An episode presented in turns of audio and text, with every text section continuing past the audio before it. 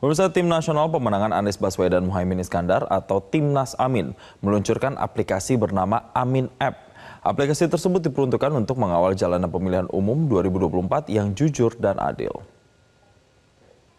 Syaugi menjelaskan semua simpatisan bisa mendaftarkan diri dalam Amin App sebagai pejuang perubahan termasuk menjadi saksi di setiap TPS. Dalam kesempatan yang sama, anggota Dewan Pakar Timnas Amin, Bambang Ujayanto, menyampaikan Amin App dibangun untuk meningkatkan kualitas pemilu dan demokrasi Indonesia. Sebab aplikasi tersebut mengajak masyarakat untuk mengawal secara langsung jalannya pesta demokrasi. Timnas Amin pun menjamin kerahasiaan data pribadi pejuang Amin yang terdaftar dalam Amin App.